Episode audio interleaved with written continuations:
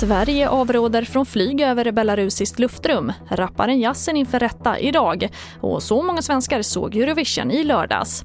Ja, här är TV4-nyheterna som börjar med att Transportstyrelsen uppmanar nu svenska flygbolag att undvika att flyga över Belarus efter att landet tvingat ett passagerarplan att landa i Minsk igår.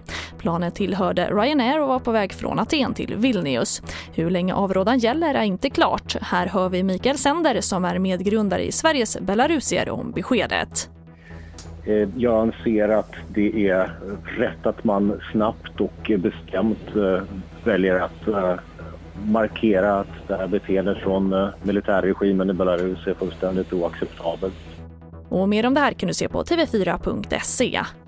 Och i den stora rättegången mot Vårbynätverket började idag delen där rapparen Yasin står åtalad. Åklagaren beskriver hur Yasin var med i planeringen och försöket att kidnappa en annan känd rappare förra året. Försöket avbröts men genomfördes istället några veckor senare. Den andra gången var inte Yasin delaktig men han nekar även till inblandning i det första försöket. Frida Wallin, Yassins försvarsadvokat.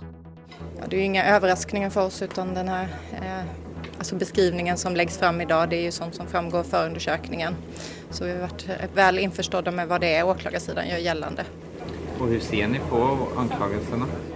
Min klient förnekar brott, precis som jag har redovisat tidigare. Eh, och det är samma inställning alltjämt. Och vi avslutar med att nästan 3 miljoner tittare, ja så många i Sverige såg Italien ta hem segern i Eurovision Song Contest i lördags. Och drygt 2,2 miljoner tittare såg Godisautomaten ta hem segern i Mask Singer i fredags.